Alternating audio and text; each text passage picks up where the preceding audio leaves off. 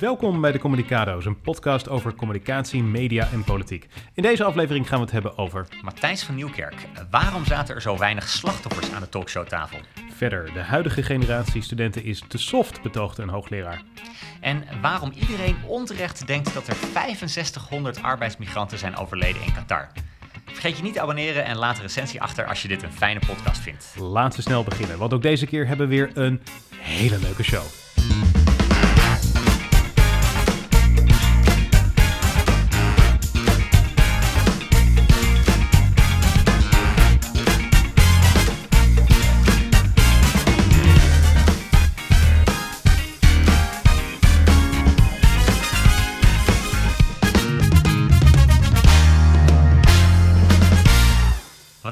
Ontzettend veel reacties gekregen afgelopen week van luisteraars, van, van, van anderen. Ja, het leefde echt volgens mij. eh. Het leefde echt, ja. Ja, ja eh, volgens mij duizenden reacties, eh, alles wel bij elkaar opgeteld. Alle tweets, retweets, likes en, en, en, en mails en noem het allemaal maar op. Wat even voor de duidelijkheid, voor wie het niet heeft meegekregen. Twee afleveringen geleden hebben wij kritiek geleverd op de mediaoptredens van hoogleraar en ondernemer Marjan Olvers. Eh, in de vorige aflevering hebben we verteld dat zij een advocaat op ons af heeft gestuurd met de eis om de vorige podcast offline te halen. Nou, dat hebben wij natuurlijk niet gedaan, maar dat was wel bijzonder intimiderend. Daarover hebben we gesproken en daar zijn heel veel steunbetuigingen over gekomen. Ja, en ook mensen die echt concreet aanboden om mee te betalen aan eventuele advocaatkosten. Ja. Of die eh, voorstelden om een, eh, een inzamelingsactie te starten. Ja. ze riepen ons eigenlijk op of we, of we niet tijdens de podcast ook een oproep konden plaatsen om, eh, om te doneren voor, voor deze zaak. Heel lief allemaal. Ja, hè? Dus dat, dat was leuk om te, om, om te horen en te lezen. Het goede nieuws is, waarschijnlijk is het allemaal niet eh, nodig, want van de advocaat eh, hebben we uiteindelijk eh, niets meer eh, gehoord. Dus ik denk dat we wel kunnen constateren dat dat juridische gevaar wel geweken is. Maar ja, inderdaad is dat in ieder geval mooi van dat we al die steun hebben gekregen. Er zijn ook wat media die erover hebben geschreven. Geen Stijl, ehm, die hebben er een artikel aan ge- gewijd. Ze hebben jou, hoe hebben ze jou ook alweer beschreven? Er stond in het artikel, Lars Duursma, nota bene zelf een hele brave en correcte jongen. nou, dat is ook wel zo hoor, dat is ook wel zo. Ja, maar ze hebben er een artikel ook aan, inderdaad, eh, aan gewijd, aan de hele situatie. Ja, en ze haalden daar ook het eh, Barbara effect aan. Hè? Dus Ja. dat is een bekend effect dat als je informatie probeert te onderdrukken, dan komt er eigenlijk heel veel meer aandacht voor. Ja, dat, Ja. dat legde jij ook al uit in de vorige podcast en dat is ook wel echt gebeurd. Als ik alleen al op Twitter zat te kijken, als ik even het eerste draadje waarin ik vertelde waarom ik een probleem had met die dubbele petten van Marian Olvers vergelijk met het draadje waar ik uiteindelijk ook die delen van die brief deelde op, eh, op Twitter. Ja. Dat laatste draadje is echt zonder overdrijven honderd keer zo goed bekeken. Ja, dus bizar. het Ja. is echt, ja, ik denk, hier- ja, Marian Olvers heeft hiermee echt haar eigen glazen eh, ingegooid en Ja. haar eigen schade georganiseerd. Ja, precies. Dat was ook een van de reacties. Ze heeft haar eigen reputatieschade georganiseerd. Je ziet het ook terug in de luistercijfers van de podcast. Want de afgelopen week, dat was de beste week voor deze podcast eh, in de hele geschiedenis. Dus wat dat betreft zie je dat het een ongelooflijk groot eh, effect heeft eh, gehad. Ja. Ja. Adformatie, die heeft er ook een artikel over geschreven. We zullen al die artikelen ook even in de show notes zetten. Misschien vinden mensen het leuk om te lezen, misschien niet trouwens. Maar die hebben ook inderdaad de communicatiestrategie van Olversen eh, blootgelegd en gezegd, wat wij net ook al constateerden, dat dit inderdaad vooral als een boomerang in haar gezicht terecht is eh, gekomen. Hoe noem je dat? Een? Een boomerang. ja, ik denk het is een Engels woord, dus ik eh, zeg het even op zijn Engels. boomerang. maar een boomerang inderdaad, ja. heeft uiteindelijk eh, gereageerd. Hetzelfde geldt voor Sven Kokkelman. Ze zaten namelijk bij elkaar aan tafel bij Radio 1. Sven op 1 heet dat programma. En ik heb er even twee fragmentjes uitgehaald. Dat is wel even interessant om te laten horen. Ze hebben ook echt wat gedaan met de kritiek die jij hebt geuit. Laten we eerst even naar de introductie van haar luisteren. Want daar zit al direct wat in wat een verbeterpunt is. Marjan Olvers is hoogleraar sport en recht en heeft zich toegelegd op eh, integriteitsonderzoek. Heeft zelf ook een bureau dat dit soort onderzoeken doet. Mevrouw Olvers, goedemorgen. Goedemorgen. Bent u al gevraagd voor dit onderzoek? Nee, en ik ga het ook niet uitvoeren. Waarom niet? Omdat je altijd zuiverheid moet eh, creëren natuurlijk. Dus eh, ik, ik uit me nu over deze onderzoeken op, eh, in de media. En dat betekent dat je daar dus ook geen eh, partij moet zijn en ook niet moet willen worden. Ja, heel goed. Eigenlijk voor het eerst wordt zij met beide petten aangekondigd die ook voor het onderwerp waar ze over spreekt relevant zijn. Want ik denk, je kan het zeggen, uiteindelijk hebben heel veel hoogleraren hebben bijbaantjes en hebben andere dingen.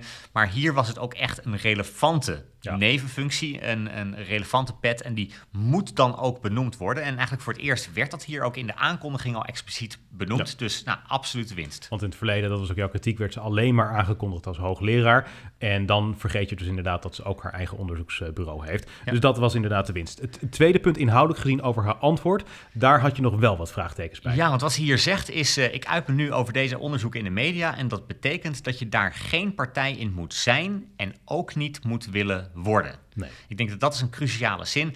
Complimenten voor dit inzicht. Eh, oprecht, hè, dus dit lijkt me echt de enige juiste houding. Het lijkt me wel voortschrijdend inzicht bij Olvers. Want als we even een klein beetje terugkijken in de tijd. Uh, op 29 september 2022 zat ze bij Jinek aan tafel. En daar heeft ze het heel uitgebreid gehad over het uh, onderzoek naar Ariep. dat toen nog gegund moest worden. En ze heeft helemaal uitgelegd hoe zij dat onderzoek zou aanpakken. Wat bij zo'n onderzoek belangrijk is. En dat was dus op 29 september 2022. Ja. ja Twee weken later, tussen 14 en 20 oktober, heeft zij die offerte zelf geschreven mm. om mee te dingen. Ja in dat onderzoek. En de enige reden dat ze uiteindelijk niet op cent heeft gedrukt, is omdat ze vier minuten voordat ze op cent wilde drukken, uiteindelijk te horen kreeg dat het allemaal niet meer hoefde. Maar zij heeft dus echt gewoon mee willen doen en precies dat gedaan waarvan zij dus bij Radio 1 zegt dat dat niet zuiver is. Nou ja, laten we hopen dan dat ze dit nieuwe inzicht dan in de toekomst uh, wel uh, consistent toepast. Dat zou in ieder geval mooi zijn. Een ander fragmentje wat ik wil laten horen uit dat interview van Sven is ook dat hij haar heeft voorgehouden dat ze advocaten op ons heeft afgestuurd. Laten we even even daarna luisteren en haar antwoord. En nou ja, die podcastmakers die dachten daar anders over. Klopt het dat u advocaten op hun dak heeft gestuurd? Ja, ja dat komt uh, niet zozeer. Kijk, ik vind uh, altijd dat je met, altijd met iedereen het gesprek aan moet gaan. En vind ik ook dat je op dat moment, zeker als je geen hoor en wederhoor hebt gepleegd. En ik vind dat in mijn onderzoeken, maar ook iedereen die, dat, uh, die iets aan kritiek heeft, vind ik hoor en wederhoor echt een fundamenteel recht. vind ik echt dat je hier ver en ver over de schreef gaat. Voor de duidelijkheid, ik heb het antwoord ietsje ingekort. We zullen ook uh, de link naar deze uitzending in de show notes uh, zetten. Maar uh, haar punt is dus hoor en wederhoor. En dat vind ik wel even interessant om daarbij stil te staan.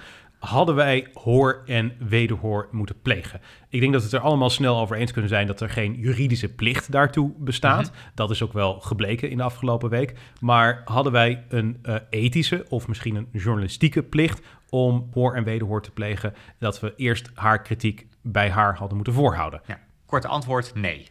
Kijk, wat hier speelt is, zij praat over haar eigen onderzoeken. En net als bij haar eigen onderzoeken, integriteitsonderzoek als bijvoorbeeld bij een journalistieke productie, is het doel waarheidsvinding. Dus je probeert de waarheid boven tafel te krijgen. En dan past het ook dat als je denkt dat je iets gevonden hebt, of als je nou, conclusies hebt getrokken, dat je nog even checkt bij de verschillende partijen, zodat zij ook kunnen aangeven of het wel of niet klopt. Want dat past bij het doel van waarheidsvinding.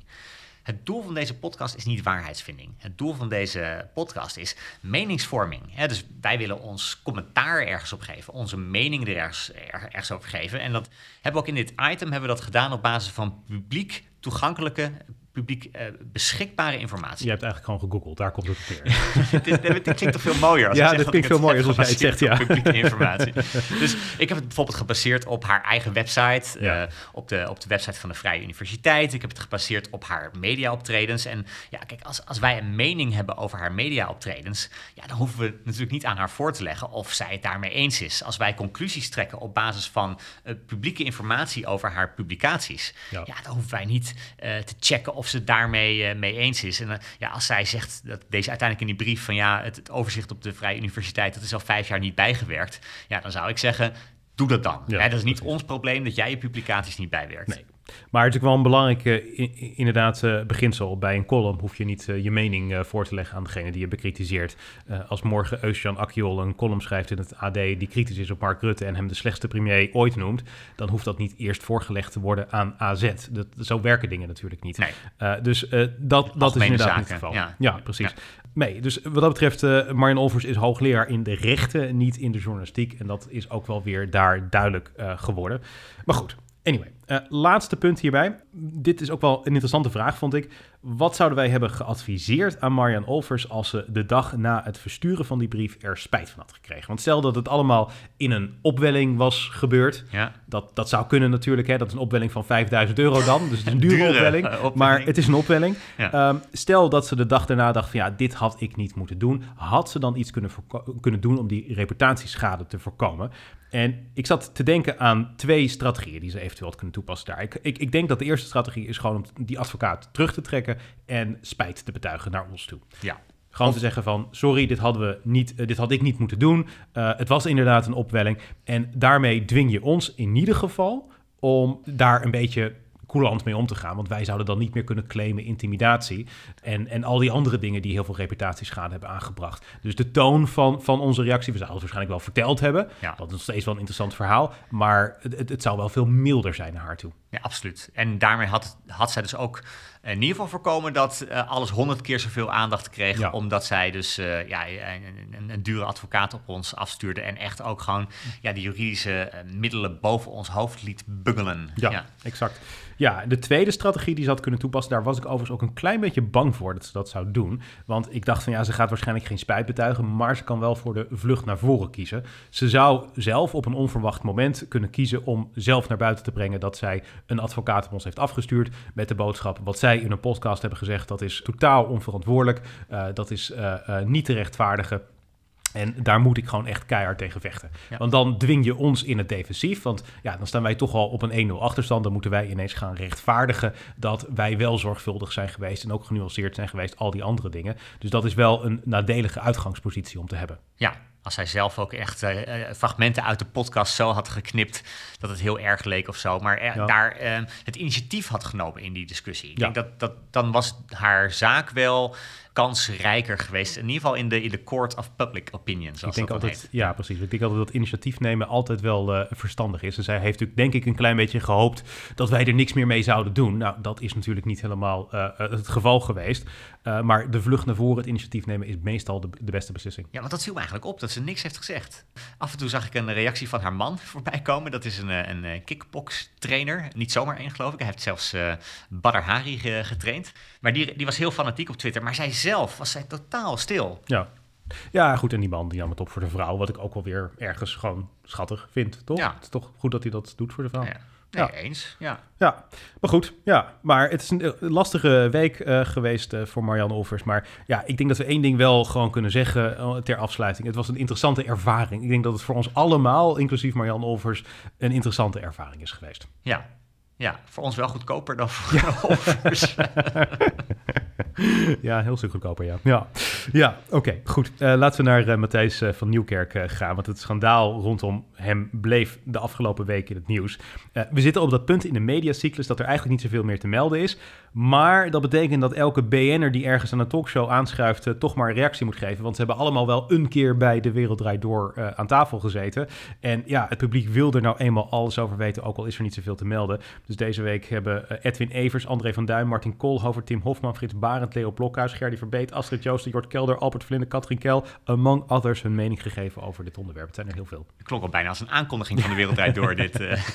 ja, bijna wel, ja. Bijna wel. Um, ja, goed. Laten we eens even kijken. Want één ding wat er wel bij kwam qua nieuws, is dat de oorspronkelijke verklaring is gelekt naar de Telegraaf. De oorspronkelijke verklaring van Matthijs wel te verstaan. Want hij heeft natuurlijk twee verklaringen opgesteld. De tweede is gepubliceerd door de Volkskrant. Daarin betuigt hij ook spuit. Uh, uh, maar de eerste verklaring die was heel problematisch. BNNVARA vond dat uh, niet afdoende. heeft op basis daarvan druk uitgeoefend om met een nieuwe te komen. Dat hebben ze gedaan. Maar de vraag al die tijd was natuurlijk van... wat stond er dan in die eerste verklaring? Ja, en, en dat weten we nu, uh, nu wel. Ja, die, die spijt zat er alleen in de tweede keer dus, uh, dus in. Hij heeft ook wat dingen weggelaten. Uh, ja, zeker. Er waren natuurlijk een aantal mensen die hem onder de bus gooiden. Ja. Tjukowinia, de eindredacteur, die gooide hem echt genadeloos hard onder de, de bus. En ja, Cecile uh, Koekoek, het laatste seizoen was zij uh, eindredacteur. Ja, die gaf ook wel echt af op hem. En die, die, die werd een soort van held gemaakt, haast in het, in het artikel. Van, ja. Eindelijk was er iemand die wel ja, opstond tegen Matthijs van Nieuwkerk. De tiran. En daar schreef hij in zijn eerste verklaring uh, ook wel over van, uh, even voor de record, uh, vroeg mij na haar afscheid bij De Wereld Draait Door om samen nieuwe programma's te gaan maken. En dat deden we. We maakten Moby Dick. En Cecile Koekoek vroeg mij of zij als eindredacteur mee kon naar mijn nieuwe zaterdagprogramma. Matthijs gaat door en appte mij na de laatste De, de Wereld Draait Door uitzending. Het was een geweldig avontuur. Nogmaals, dank daarvoor ja, op, op zich, uh, ik snap ook wel dat, dat hij zich voor de bus gegooid voelde. Ik, ik denk ook dat het. Ja, ik, ik vond het niet eens zo heel gek dat hij daar toch wel op, op een bescheiden manier op, op, op reageerde. Op een best feitelijke manier daarop reageert. Ik vond dit eerlijk gezegd, ik had het niet eens zo heel gek gevonden als hij die alinea wel had laten staan in zijn verklaring. Ja, ja ik begrijp wel dat BNNVARA er problemen mee heeft hoor. Want uh, ik uh, denk dat zij dit gewoon zien als hij probeert uh, de problemen allemaal te minimaliseren en hij doorziet de ernst ervan niet. Ik denk dat deze verklaring is geschreven in een tijd waarin hij nog dacht van dit wordt niet zo'n heel big deal. Dit Volkskrant artikel gaat de verwachtingen die toch al niet zo hoog zijn niet waarmaken. Mensen staan aan mijn kant. En als dat inderdaad de reactie was geweest van het grote publiek, dan was was dit misschien een verklaring geweest die afdoende was. Maar ja, dat is natuurlijk totaal niet het geval geweest. Dus als dit inderdaad de definitieve verklaring was geweest die aan het slot uh, van het stuk uh, komt, ik denk eerlijk gezegd dat de ophef nog veel groter was geweest dan die nu is. Hmm. Ja, ja. Wat dat betreft eigenlijk ook gek dat iemand die 15 jaar lang een programma ja heeft gemaakt over de actualiteit. En zo goed aanvoelde wat mensen interessant vinden, wat ze willen zien en zo. Uiteindelijk dan zo slecht heeft aangevoeld hoe we zouden reageren op dit artikel. Ja, ja dat is toch ergens het eigen belang dat uh, daar toch uh, kennelijk uh, je oordeelsvermogen in de weg staat. wat ook wel interessant is, is dat die verklaring kennelijk in tussendoor bij opnames van de top 2000 quiz tussendoor is gemaakt. Terwijl er ook nog wat mensen van de NPO, waaronder Frans Klein, aan het meekijken waren. Ja, dat zijn tussen opnames door even snel een, een verklaring die je carrière moet redden, schrijven, is natuurlijk ook gewoon bizar. Dat je denkt van, ja. dat is niet zo'n goed idee, doe dat nou niet. Nee, nee. Maar ja, Geef dat wat meer aandacht. Ja. Ik denk dat dat wel belangrijk uh, was geweest. Dat, ik weet niet of het, of het zijn carrière in ieder geval uh, hier nee. bij BNN-Vara had kunnen redden, maar de kans was wel groter geweest. Ja. Waar wij het ook nog hadden over deze week, wat ook wel interessant is om te spreken, we kondigden ook aan, wat moet je nou doen met uh, de, die persoonlijke verhalen? Want we hebben relatief weinig persoonlijke verhalen in talkshows uh, gezien. Terwijl het redacteuren zijn van die programma's. Uh, sterker nog, Bo en Jinek hebben redacteuren daar zitten die vroeger bij DWDD werkten. Die vermoedelijk die, die, die, die, dat hele angstklimaat hebben meegemaakt. Ja. Waarom zien we niet meer van dat soort verhalen? Ja, want dat, dat verbaasde mij. Eh, want we zagen wel oude mannen aan tafel die eigenlijk niks bij de Wereld Draait Door hadden gedaan. Ja, maar er waren, Ja, er zijn meer dan 50 redacteuren die in het artikel aangeven dat ze de klachten herkennen, dat ze het ja. grensoverschrijdend gedrag herkennen. Ja. Ik vroeg me wel de hele week af van, hadden we niet meer van hen moeten zien ja. of, of, moeten horen? Ik, ik, ik, had me kunnen voorstellen dat je bijvoorbeeld als talkshow zegt van we, we nodigen alle redacteuren uit van een bepaald jaar en ja. nodigen ze maar uit in de studio en, en, en, en, voer met hen het gesprek van hoe ging het nou echt? En, ja, dat is best een goed idee hoor, inderdaad. Ja, ja. ja. kijk, Jelleke, dat is die visagiste die ook in de Volkskrant wordt aangehaald, die zat bij uh, Bo. Het interview was niet live, het was van tevoren opgenomen, maar het was wel een interview met Bo. Dat was wel een casus die aantoonde waarom het lastig is. Want dat interview werd uitgezonden en direct was de reactie van de andere gast, Martin Koolhoven, die voor een ander onderwerp daar aan tafel zat. Hij zei letterlijk, we weten niet waarom hij niet meer met deze visagist wilde praten. En dat is altijd het probleem. Individuele verhalen zeggen in deze situatie niet verschrikkelijk veel. Het is vooral het totaalbeeld wat ja. het verschrikkelijk maakt. Uh, en de reden daarvan is, is dat het gedrag van Matthijs niet per definitie onacceptabel is in een individueel geval. Dus als Matthijs een woedeuitbarsting heeft, ja, dan is dat soms gerechtvaardigd. Soms is er echt iemand die niet functioneert en dan is een woedeuitbarsting ergens nog te begrijpen en zelfs terecht. Dat is anders dan bijvoorbeeld een verkrachting. Want dat is gewoon gedrag wat nooit acceptabel is. Dus als je dat iemand uh, verwijt, dan is het duidelijk dat iemand iets verkeerd heeft gedaan. Maar woedeuitbarstingen en zelfs intimidaties en vernederingen. Het kan in een bepaalde omstandigheid gerechtvaardigd zijn om dat te doen. Woede wel. Uh, vernedering vind ik toch wel heel lastig te rechtvaardigen. Uh, nou ja, je kunt zeggen dat je het niet juist vindt, maar ik begrijp dat het gebeurt soms, laat ik het zo zeggen. Um, als mensen jou proberen te ondermijnen, Lars, ja. en jij uh, vernedert ze daardoor publiekelijk. Ja, als zij heel hard jou proberen te ondermijnen, als een werknemer van jou bewust jou gewoon 10.000 euro omzet uh, uh, heeft gekost, ja, dan ga jij misschien ook dingen doen die wat verder gaan dan alleen maar een kleine woedeuitbarsting. Ik zou ze niet vernederen, maar, het, nee, nee, maar, is, ik, je, maar je, je kunt je voorstellen ja. dat mensen die emotionele reactie hebben en tot dat soort dingen in staat zijn. Ja. Wat de, de Matthijs van Nieuwkerk situatie daar anders maakt, is dat het gaat om heel veel van dat soort gevallen. Heel veel van dat soort gevallen. En dan is het moeilijk te geloven dat het aan die individuen ligt. Want dit zijn mensen die gingen werken voor het vlaggenschip van BNNVARA, de best, de, de best bekeken talkshow van Nederland. Dat zijn vermoedelijk ook de beste redacteuren. Hè? Dus die hebben elders heel goed gefunctioneerd en die hebben promotie gemaakt naar DWDD. En dan kwamen ze in een situatie dat ze door Matthijs van Nieuwkerk als incompetent werden weggezet en werden vernederd en al die andere dingen. Ja, het is gewoon moeilijk om te geloven dat misschien hij ondanks dat hij in een individueel geval misschien gelijk heeft gehad, dat hij in al die gevallen ook gelijk heeft gehad. Ik denk dat het dan de conclusie alleen maar gerechtvaardigd is dat het aan hem ligt. En dat, dat is wat dit erg complex maakt. In een individueel geval kan Matthijs van Nieuwkerk gelijk hebben gehad, maar het is heel onwaarschijnlijk dat deze cultuur gerechtvaardigd was. Ja, dus dan zeg je ook eigenlijk als het werkelijke probleem het patroon is, dan is dat ook lastiger in beeld te brengen bijvoorbeeld in een talkshow. Want ja, dan, dan, moet je inderdaad ook niet één iemand uitnodigen, dan moet je daar uh, tien mensen uitnodigen en die tien mensen hun verhaal laten doen. Want elk individu eh, kan, daar kan je tegen aanvoeren, ja misschien functioneerde die niet, hè? of wat, misschien deed hij in een situatie wel dingen verkeerd, of deed zij wel iets wat, wat inderdaad niet door de beugel kon. Dus dan krijg je ook dat er een discussie daarover ontstaat, wat ook een reden is voor heel veel redacteuren volgens mij om gewoon niet aan te schuiven zo'n talkshow. Want ja, je ziet ook al gebeuren dat er dan een hele, hele discussie komt over jouw functioneren.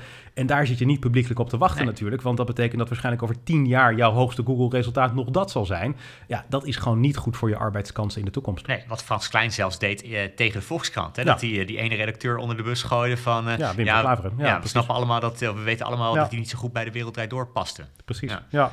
Dus ik denk dat dat wel een rol speelt. Ik denk de tweede reden waarom uh, slachtoffers in dit geval lastiger aan tafel uit te nodigen zijn, is het feit dat de meeste mensen niet meer zichzelf zien als slachtoffer, als slachtoffer omdat ze verder zijn gegaan met hun leven. En uh, die uh, visagiste, die had dat niet. Die was er nog echt heel erg emotioneel onder. Uh, die was ook aan het huilen in dat interview. Hè? Die was duidelijk emotioneel daarbij voor de meeste mensen, als dit vijf of zes jaar geleden is gebeurd, dan heb je een nare tijd gehad bij de Wereldrijd Door. Maar ja, grote kans dat je daar weer overheen bent, dat je daar verder gegaan bent met je leven, dat het je emotioneel ook gewoon niet zo heel veel meer doet. Dat is ook een hele gezonde reactie natuurlijk om met dit soort dingen om te gaan. Maar dat betekent ook dat je voor het publiek een minder interessante gast uh, bent, want dan ben je daar gewoon heel rationeel aan het vertellen wat je overkomen is. En dan is het toch niet die, die sympathie die we hebben voor een huilende vrouw daar aan tafel. Dat is toch iets wat meer ja. sympathie opwekt. ja. Ja. En het is denk ik ook wel gewoon misschien onderdeel van het, van het, van het werk om achter de schermen te blijven. Het is misschien toch een beetje gek als je nu bij een andere talkshow werkt. Dat, dat je op een gegeven moment dan een gast belt en dat die gast denkt van... oh ja, volgens mij heb ik jou vorige week uh, op televisie gezien als die klagende De Wereld Draait Door redacteur. Ja, dus, dus uh, ja. misschien speelt dat ook wel mee daar. Het zou kunnen. Ja, ik denk wel dat heel veel redacteuren ook wel per ambitie hebben om voor de schermen te werken trouwens. Maar misschien willen ze niet inderdaad in deze situatie uh, naar, naar, naar, buiten treden. Dat kan ik me inderdaad ik, wel Maar ik benader het meer als televisiekijker. Ik dacht van, het is eigenlijk heel jammer dat we het niet met die redacteuren spreken, maar alleen over die redacteuren spreken. Hè? Dus dat, dat miste ik wel in, de, in, in het debat. Ja, dat kan ik me wel voorstellen. Ja. Wat ik ook nog wel interessant vond, is dat het onderzoek van de NPO dat is aangekondigd. De, de, de precieze onderzoeksopdracht is nog in de maak, maar wat de NOS erover zegt is het NPO-onderzoek richt zich op de vraag welke signalen over misstanden er zijn geweest en wat er met die signalen is gebeurd. En toen dacht ik wel bij mezelf, wacht eens even, dat weten we toch al? Er is niks, met die signalen gebeurt. Dat is nou precies wat de Volkskrant in 10.000 woorden opschrijft. Wat in hemelsnaam is het doel van dit onderzoek? Dit slaat helemaal nergens op. Als je het betwist, die conclusie, ja, dan is onderzoek logisch. Dan moet je eigen onderzoek doen. Als je denkt dat het bij andere programma's speelt, dan is het logisch om te kijken naar wat speelt er bij andere programma's. Dan ga je daar onderzoek naar doen. Maar dit onderzoek heeft volgens mij één doel en dat is om tijd te kopen. Het is een manier voor de mensen van uh, de NPO om te laten zien: we zijn er veel bezig, we nemen het heel erg hoog op, maar in de tussentijd gebeurt er helemaal niets. Het is een manier om alles te laten afkoelen. En ik denk ook, als we heel eerlijk zijn, een manier om te voorkomen dat Frans Klein ontslagen moet worden. Ja, het, het onderzoek als PR-instrument. Ja, ik denk dat het gewoon vaak een communicatiestrategie is, ja. Ja, ja dat is ook bij de Voice gebeurd. Ja, precies, want uh, daar werd ook een groot aan, uh, onderzoek aangekondigd door advocatenkantoor Van Doornen. Nou, ze zeiden al bij aanvang, het gaat maanden duren. We zijn inmiddels bijna een jaar verder. En we hebben nog steeds helemaal niks over dat hele onderzoek uh, gehoord, zeg maar.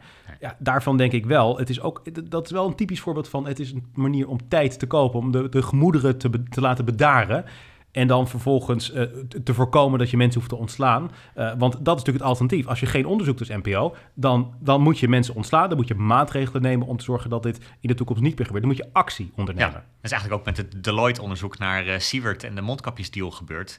volgens mij is dat onderzoek, dat, dat, hebben ze bewust net zo lang laten duren... totdat Hugo de Jonge al geen minister meer was van VWS. Ja. Dus toen, toen, was hij alweer verder. Ja, dan ja, kan je niet daar laten aftreden. En dan is het ook een beetje gek om de, de, de huidige minister van VWS dan te laten aftreden. Dus, dus ik denk dat dat, dat dat inderdaad wel een strategie is. Van je laat met een, door het aankondigen van onderzoek laat je zien aan de buitenwereld van kijk eens hoe serieus we het nemen. Ja. Terwijl het heel vaak ook echt misbruikt wordt om uh, ja, eigenlijk niks te doen. Ja. Laatste punt. Eh, ik denk dat er verschillende presentatoren echt wel zenuwachtig zijn in Hilversum. Want ik geloof niet dat Matthijs van Nieuwkerk de enige is. Laat ik dat echt heel duidelijk zeggen. Uh, Paul de Leeuw is natuurlijk al in de spotlights uh, hier. Er zijn andere mensen die in het verleden in verband zijn gebracht met dit soort gedrag. Ik denk dat ze met uh, toch wel enigszins samengeknepen billen thuis op de bank zitten. Want meestal als één zo'n verhaal groot wordt, dan moedigt dat andere mensen aan om ook hun verhaal te delen.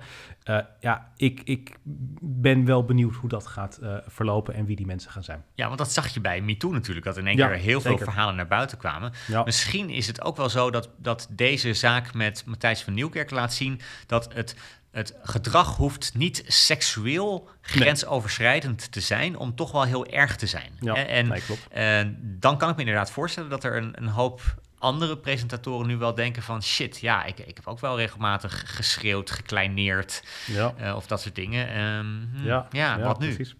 Exact, ja. ja. Dus dat soort uh, dingen, dat moeten we maar even afwachten. We gaan kijken hoe dat precies verloopt. Oké. Laten we gaan naar het volgende blokje dan. Want uh, jij wilde ook wat zeggen over de Five Live. Hè? Daar, daar zeg je nou de Five Live? Wat, uh, ja. is, gewoon Five Live hoor. Five Live? Maar ja. waarom niet de Five Live? Nee, het, nou, weet ik niet. Het heet gewoon Five Live. Oké, okay, nou... Dan, ik... De Five Live. Jeetje, hallo zeg. Ja, dus jij kijkt dat soort programma's, ik niet. nee, dat blijkt maar weer. Uh... We hebben het één keer eerder, eerder, genoemd in de podcast. Het is een serie met Linda de Mol in de hoofdrol. Ja, en op een gegeven moment kwam er een, uh, kwam er een uh, lamp naar beneden vallen op een televisiedeskundige. Dat leek wel uh, ja, Angela de Jong. Zeker. En ja, die, die eindigde ja, er niet heel plezierig van, van die, van die lamp op haar, op, haar, op haar hoofd. Dus ze kwam in coma inderdaad. Vorige week was de laatste aflevering van het ja. seizoen. Acht afleveringen volgens ja, mij. klopt. Kijkcijfers waren niet zo goed. Maar jij hebt ja. wel gekeken. En toch voelde je, ja, ja, je werd niet enthousiast van. Ik werd er niet enthousiast van. Nee, exact. Nee, maar ik, ik denk, ik heb er lang over nagedacht. Ik denk dat ik eindelijk de reden heb gevonden dat dit programma gewoon mislukt is. En het is heel erg bazaal. Want ik, ik dacht eigenlijk bij het begin, ik vond het nog niet zo heel sterk. Halverwege kwam ik er enorm in te zitten. Ja? En bij de laatste aflevering was ik toch weer diep teleurgesteld. En wat is nou de reden? Eigenlijk heel simpel. De personages zijn allemaal niet sympathiek. En dat maakt het ontzettend moeilijk om naar die serie te, te kijken. Je voelt met niemand echt mee. Het hoofdpersonage is Sarah Banning, die wordt gespeeld door Linda de Mol. En ze is ijdel, ze is opportunistisch, permanent ontevreden. Ze is geen goede moeder. Ze is ook niet goed in haar werk, want op tv komt ze koud over. En ze gaat ook nog eens onzorgvuldig om met haar twee beste vriendinnen. In alle opzichten is ze gewoon een vervelend mens. Ja. In alle opzichten. Ik word er daar gewoon moe van. En dat is gewoon iets wat, wat denk ik een, een goede serie moet hebben. Je hebt karakters nodig die je op een bepaalde manier leuk vindt. Ze moeten ook goede eigenschappen hebben. Ja, daarom luisteren mensen ook deze podcast. Want als, als we twee Victors zouden hebben, dan, dan dat ja, Nee, zeker. Nee, dat nee, eens. Ja, nee, zeker. Maar ik denk dat inderdaad, uh, er moet ook een bepaalde balans in zitten. Dat is zeker waar. Maar ik denk dat iedereen ook gewoon kwaliteiten nodig heeft... die uh, gewoon ook wel likable zijn. Je hebt dat nodig. En ik vind een heel goed eh, voorbeeld dat eh, Michael Scott, eh, het karakter van Steve Carell in The Office, dat is ook een, een, een, een beetje een klojo die heel veel dingen verkeerd doet. Hm. Heel veel dingen verkeerd doet. En toch is het een likable uh, figuur, omdat hij ook aardige, lieve kant heeft. Er zijn momenten dat hij wel om zijn werknemers geeft.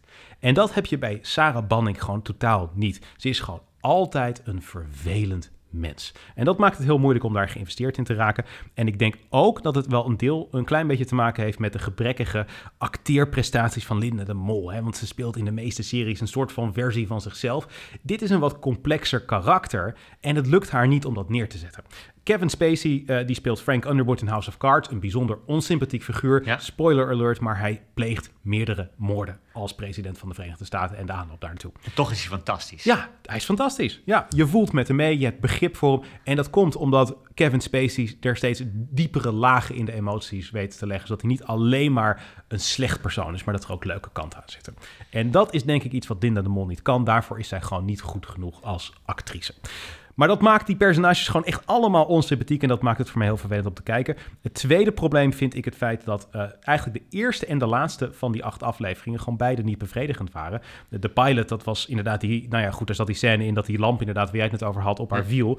Uh, maar voor de rest was het heel veel introductie van personages. We verwachten dat zo'n pilot gewoon direct mm, keihard van start gaat en iets geweldigs wordt. Dat was het niet. Maar de slotaflevering was ook waardeloos, omdat eigenlijk geen enkele verhaallijn goed werd samengebonden. Het werd niet afgemaakt, het werd niet rondgemaakt. En daar, je, je hebt acht afleveringen zitten kijken naar die serie. Je wil het liefst hebben dat er op sommige vlakken closure is. En dat heb je daar niet gekregen. Dus ik vond dat echt heel erg jammer. En de, de, het grote belangrijke ding, we weten nog steeds niet hoe het afloopt met Ellen Boetslaar. Dat is die Angela de Jong uh, karakter die, die, die in coma terecht is gekomen. Ja. Ze heeft het kennelijk overleefd, want ze deed haar ogen open in, in de laatste aflevering. Maar hoe ze eraan toe is en, en wat, er, wat ze er allemaal van weten... of ze het misschien Sarah Banning kwalijk neemt... dat weten we allemaal niet. En denk ik van ja, op zijn minst had je ons dat toch wel moeten geven. Ja, maar is het ook niet een beetje alsof je goede tijden, slechte tijden verwijt... dat het verhaal niet afgelopen is aan het einde van het seizoen? Want, nee, juist niet. Ja, nee, niet nee, absoluut. nee, omdat je hebt altijd... Ik begrijp het idee van een cliffhanger. Een cliffhanger vind ik heel goed. Dat is heel, heel mooi. Maar wat uh, ook uh, heel veel series doen... die hebben wel een cliffhanger... maar die hebben tegelijkertijd dat ze weer... een aantal verha verhalen die dat seizoen hebben gespeeld... juist wel afronden. Subplots. Ja, ja, precies. En dan is er dan weer een cliffhanger, zodat je wel gaat kijken naar het volgende seizoen. Dus niet alles hoeft afgesloten te zijn. Maar in dit geval, ja, ik heb echt zitten kijken van wat, wat heb, welke groei heeft nou Sarah Banning of een van de andere karakters doorgemaakt? Volgens mij helemaal niks. Beetje alsof het, alsof het programma oorspronkelijk tien afleveringen had en ze de laatste Ja. twee uh, afleveringen Ja. geschrapt hebben, ja, zeg maar. Ja, exact. Ja, zo kan je het zeggen inderdaad. Ja. Dus ik was teleurgesteld. Ik had zoiets van, eh, ik, eh, van mij hoeft het niet meer. Eh, nou ja, goed, we hadden het net over. Misschien komt er een eh, tweede seizoen. Maar inderdaad, wat mij betreft is het eh, klaar. Ja, ja. ja. Ze zijn één luisteraar kwijt, of één kijker Ja. kwijt. ja, oké, maar laten we dan doorgaan naar de tune van de week. Want elke week laten we je een legendarische tv-tune horen uit mijn collectie... die volgens het Guinness Book of World Records... maar liefst 1876 uur, 2 minuten en 52 seconden aan muziek bevat. De tune van deze week is van een andere legendarische talkshow... namelijk die van Barend en van Dorp. Oei, Ja, ja. dat waren nog eens tijden. Dat waren nog eens tijden de moeder van alle late night eh, talkshow. Deze tune was maar liefst 15 jaar lang te horen, totdat ze naar Talpa gingen. Toen hebben ze een sound-alike eh, gebruikt. Ja, dat was niet zo'n heel groot succes, maar daarvoor altijd deze tune. Hij is gemaakt door een hele bekende artiest. Ik ga hem eerst even laten horen en dan ga ik je vertellen welke artiest dit is.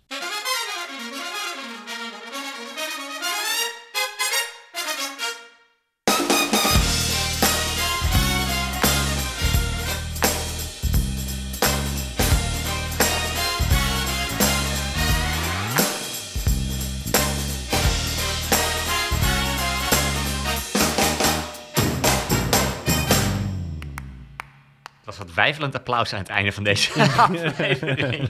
ja, ik heb het jou verteld. Welke tune is dit? Kan je dit even bekendmaken, Lars? Phil Collins Ja, heeft ja. hem gemaakt. De grote Ja. Phil Collins, ja. ja. Ja. Het eh, is een nummer wat op een van zijn eh, cd's eh, staat. Eh, het is commercieel uitgegeven. Het, heet, het nummer heet Saturday Night and Sunday Morning.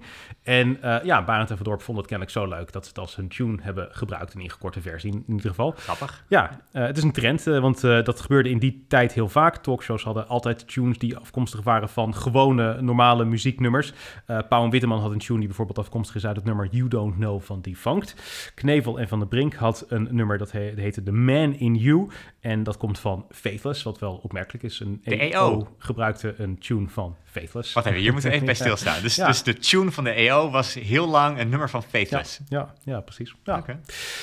Nou ja, goed, tegenwoordig zijn het vaak bedrijven die gespecialiseerd zijn in eh, tunes die dat soort eh, dingen maken. Maar hier is het dus inderdaad eh, Phil Collins, the one and only, 15 jaar lang te horen geweest op RTL 4. Laatste leuke weetje, wie was de voice-over van Barend en Verdorp?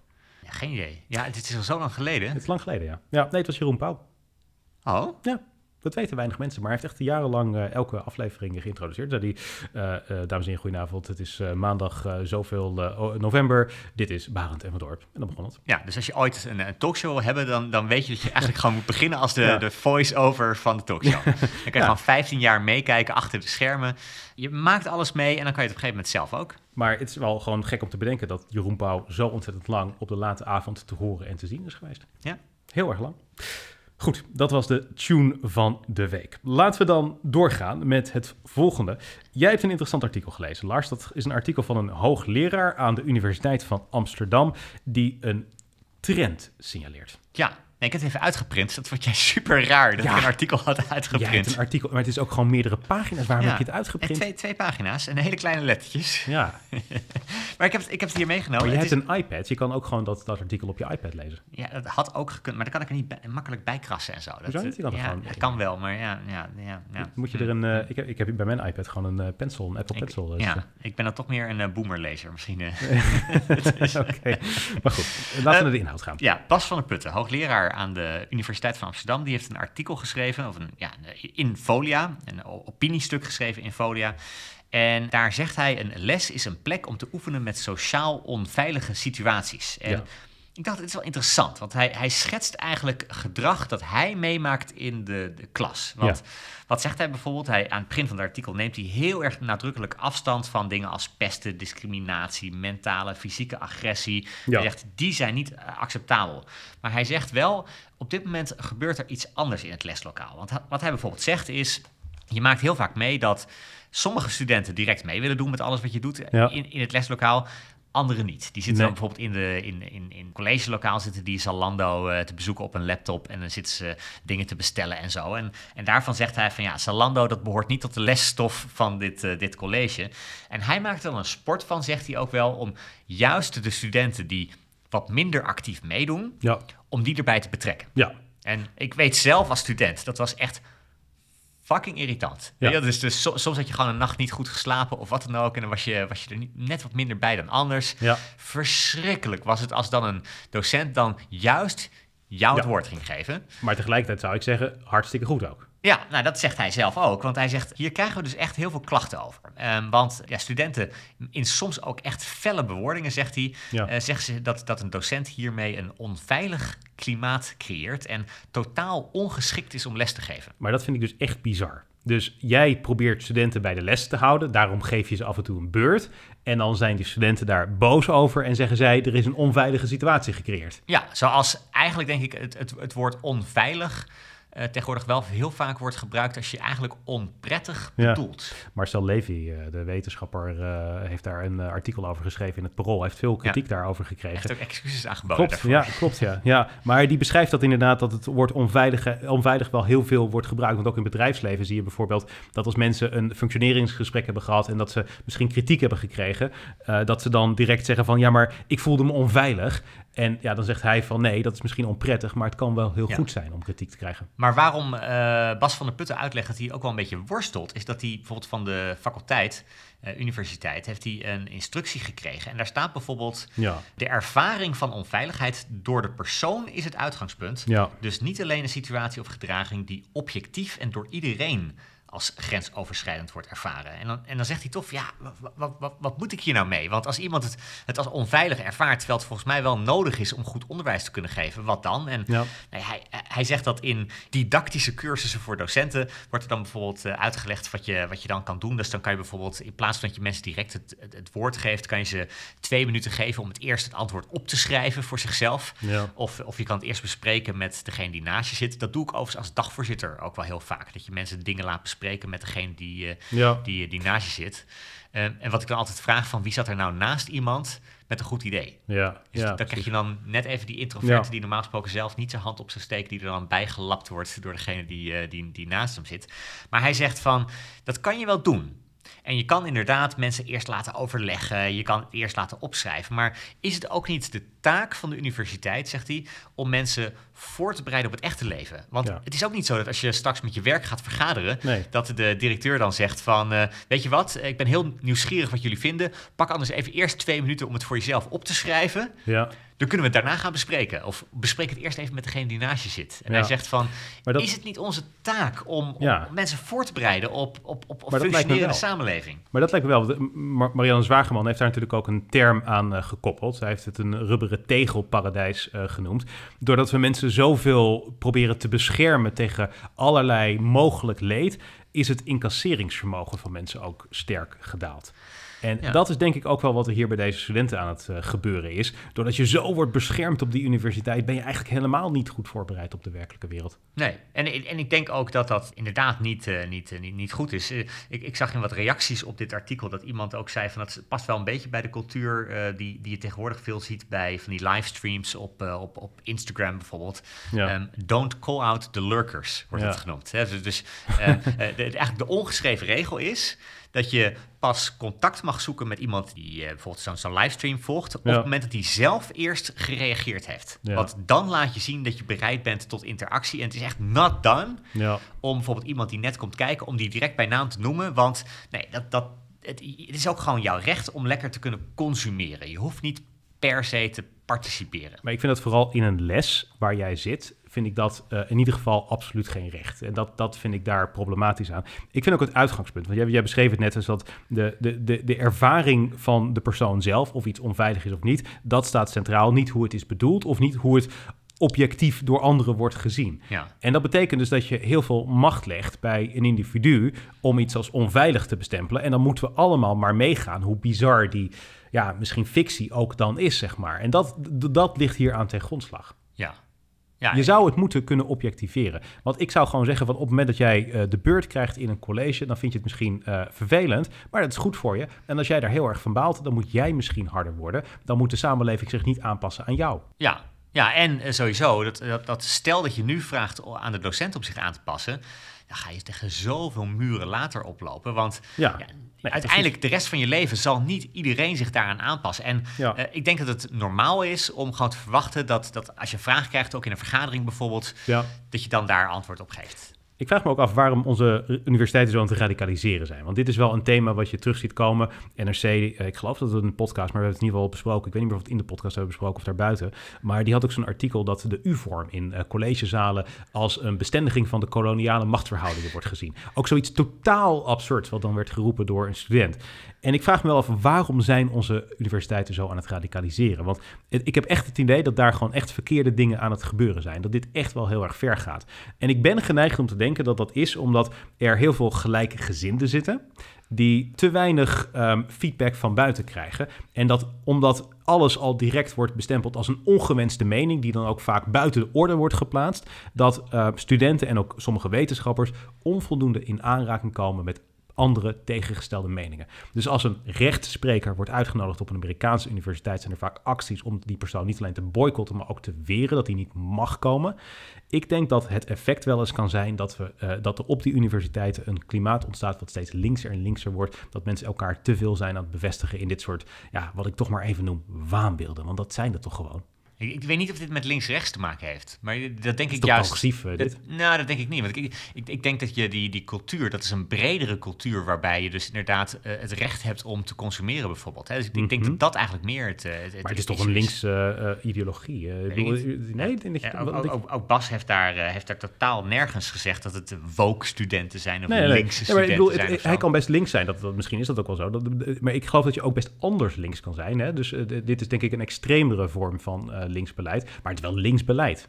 Nee, ja, denk ik niet eigenlijk. Nee, maar, dat, die, die, maar dat merk ik dan weer bij jou. Dat, eh, Als jij, als jij iets verschrikkelijk vindt, Nee. dan is de ultieme plakwoord wat je erop kan plakken. Ah, dit is weer links. Terwijl Nee, ik denk, dat nee, dit is een, mee. is een cultureel fenomeen, Victor. Je moet niet alles terug willen brengen tot links of rechts. Maar zou jij universiteit überhaupt niet als eh, links eh, bestempelen dan? Nee, totaal niet. Nee? Als ik, nee, nee.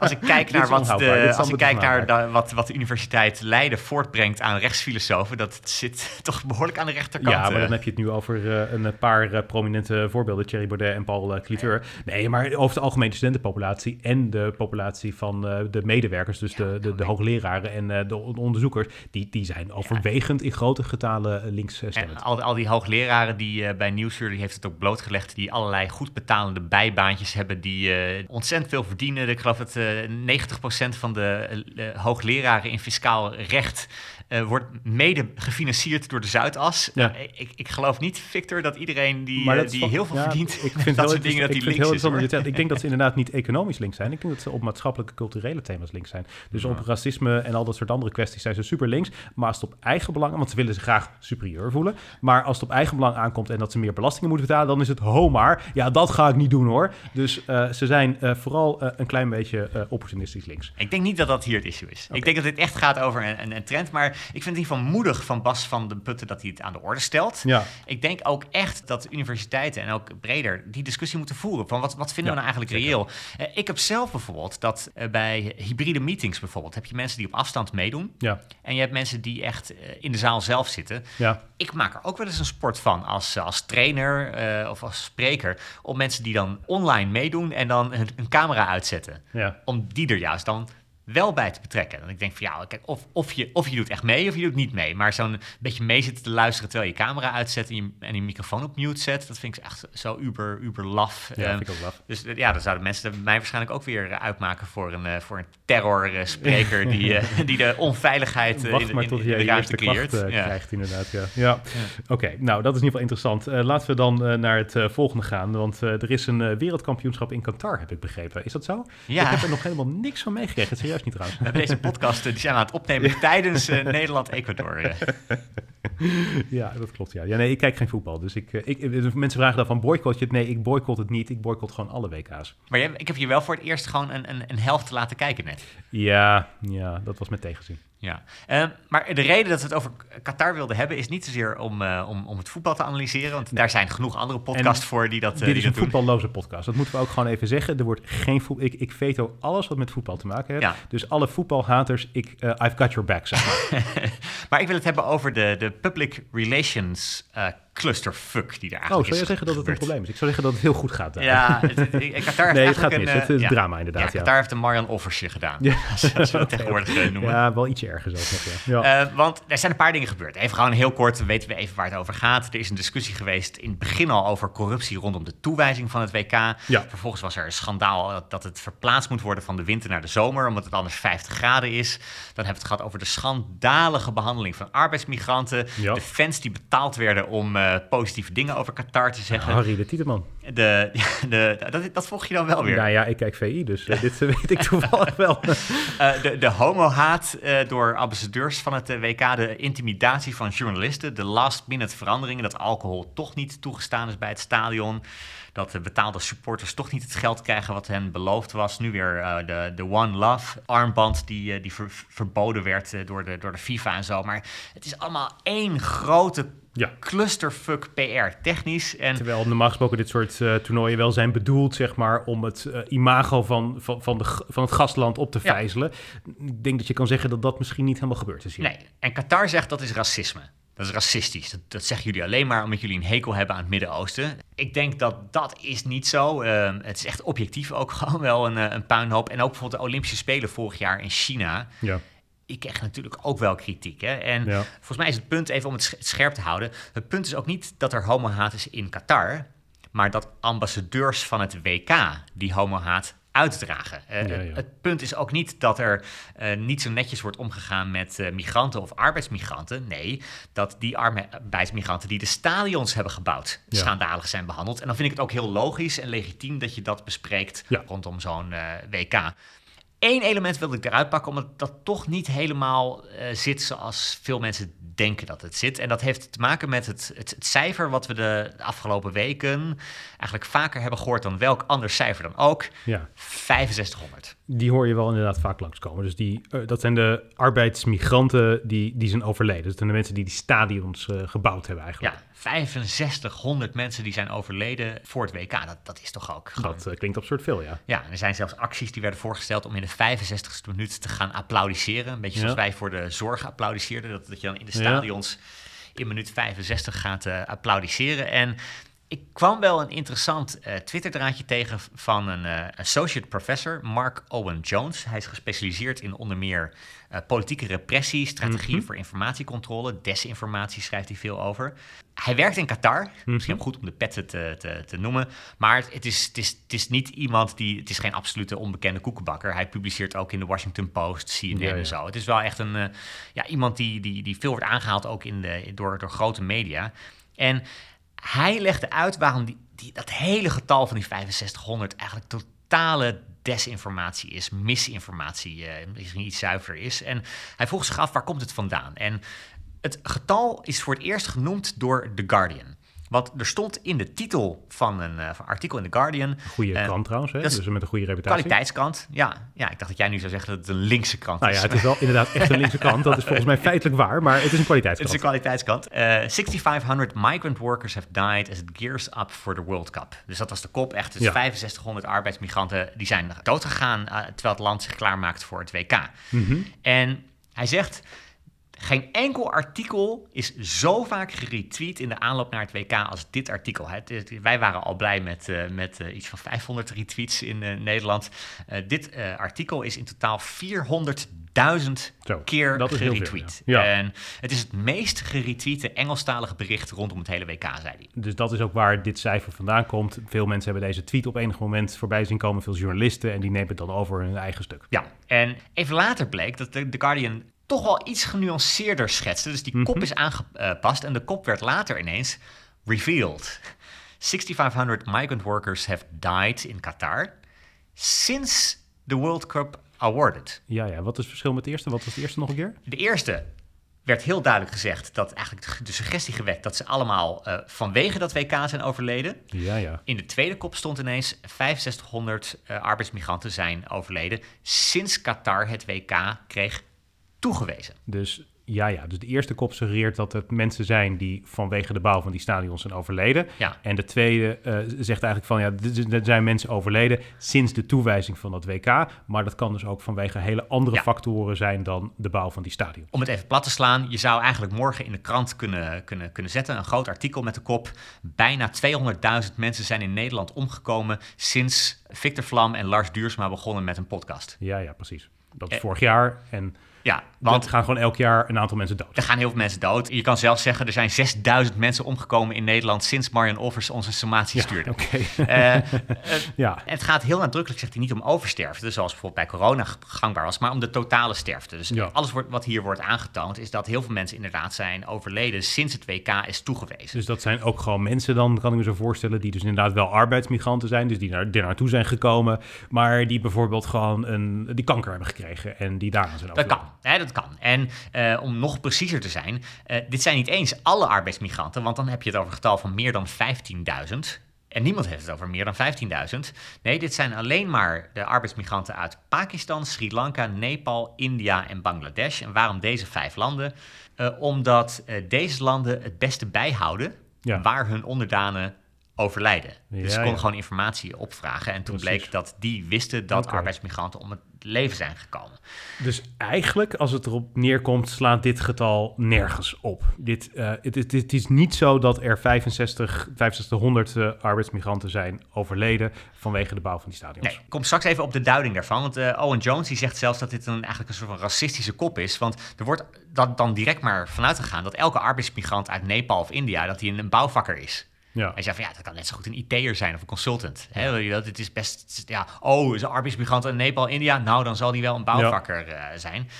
En waar het ingewikkeld wordt en statistisch ingewikkeld wordt, is dat de vraag is natuurlijk, is 15.000 veel? Mhm. Als je bijvoorbeeld gaat kijken naar het sterftecijfer van de bevolking in India, Ja.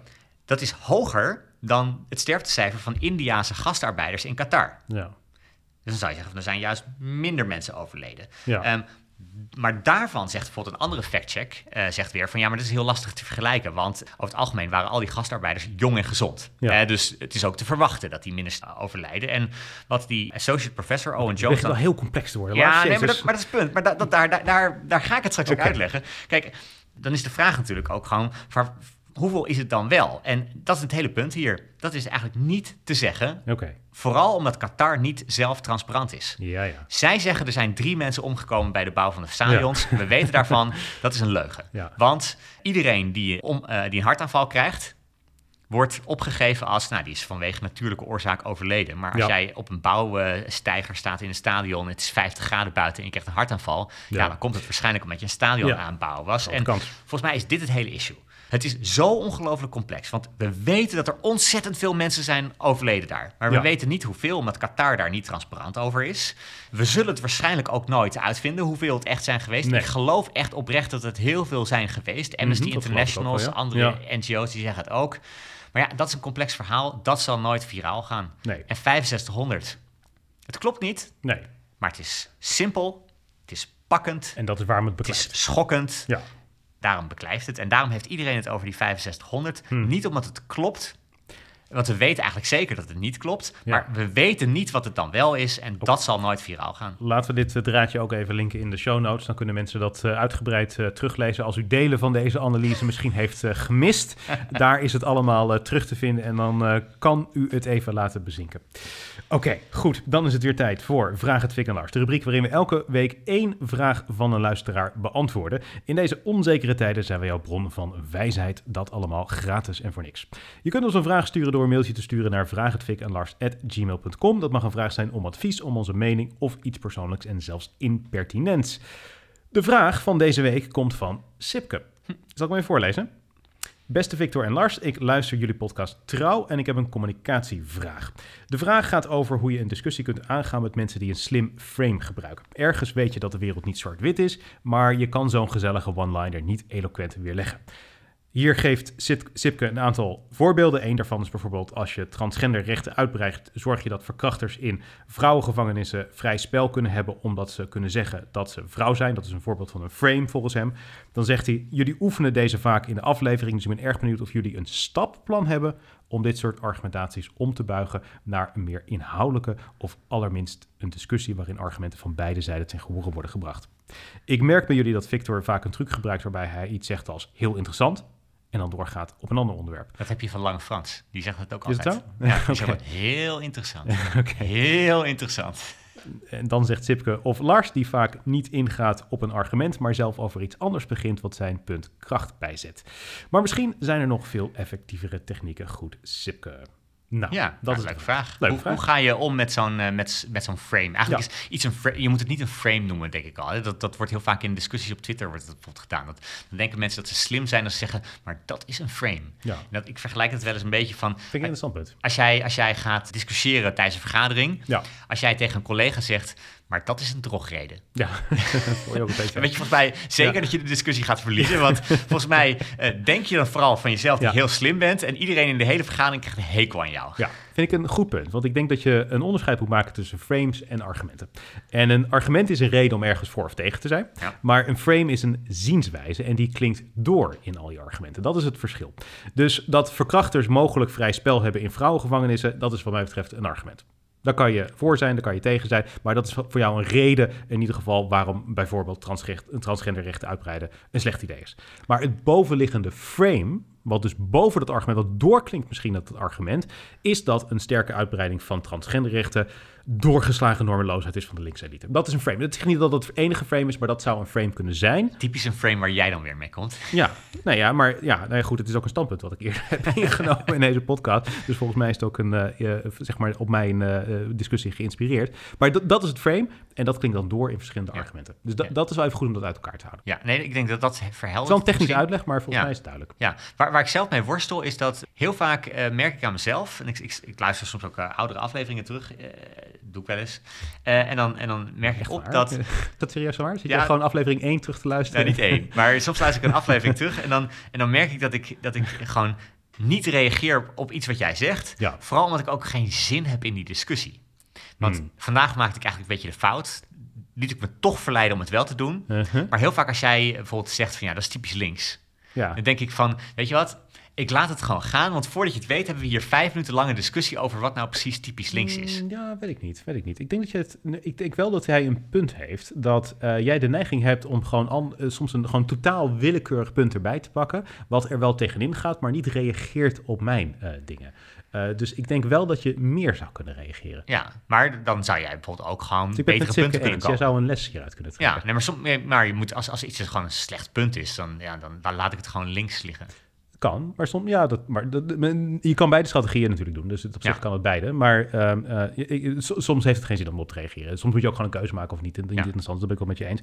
Ik denk overigens dat als je echt in een discussie een, een, een frame omver wil werpen, eh, jouw strategie is ergens heel begrijpelijk. Want een, een, een tegenframe er tegenover zetten is vaak de beste strategie. Ja. Dus een frame ontkrachten. Dus als jij gaat zeggen, nee, het is niet links en zo, het is niet elitair, dan, dan ben je onbewust toch weer het frame aan het bevestigen. Net zoals als je, niet aan, als je zegt, denk niet aan de roze olifant, je Ja. bent automatisch wel aan de roze olifant aan het denken.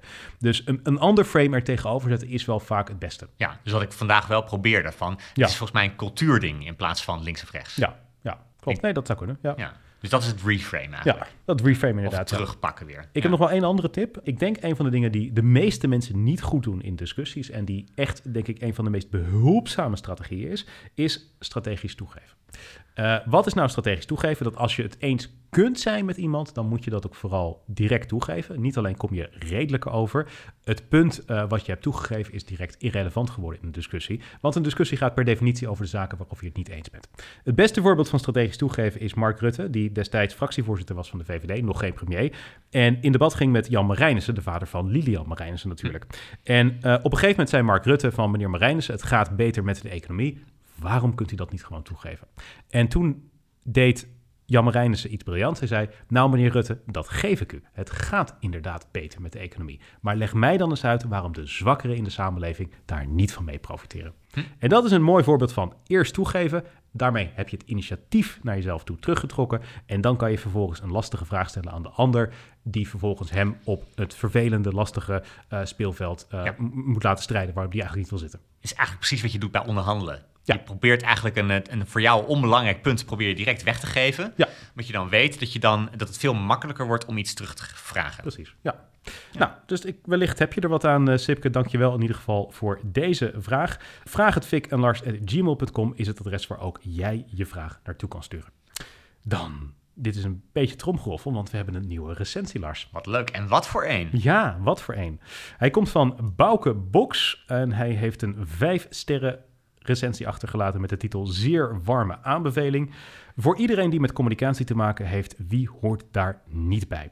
Een jaar na mijn eerste recensie met vier sterren kan ik met overtuiging de vijfde ster toevoegen. Na een ijzersterk begin waren Victor en Lars mijns inzien een beetje zoekende. De aflevering na de zomervakantie zijn echter sterker dan ooit. En dat komt niet door de nieuwe prachtige tune die met de baslijn mij een beetje aan die van Seinfeld doet denken.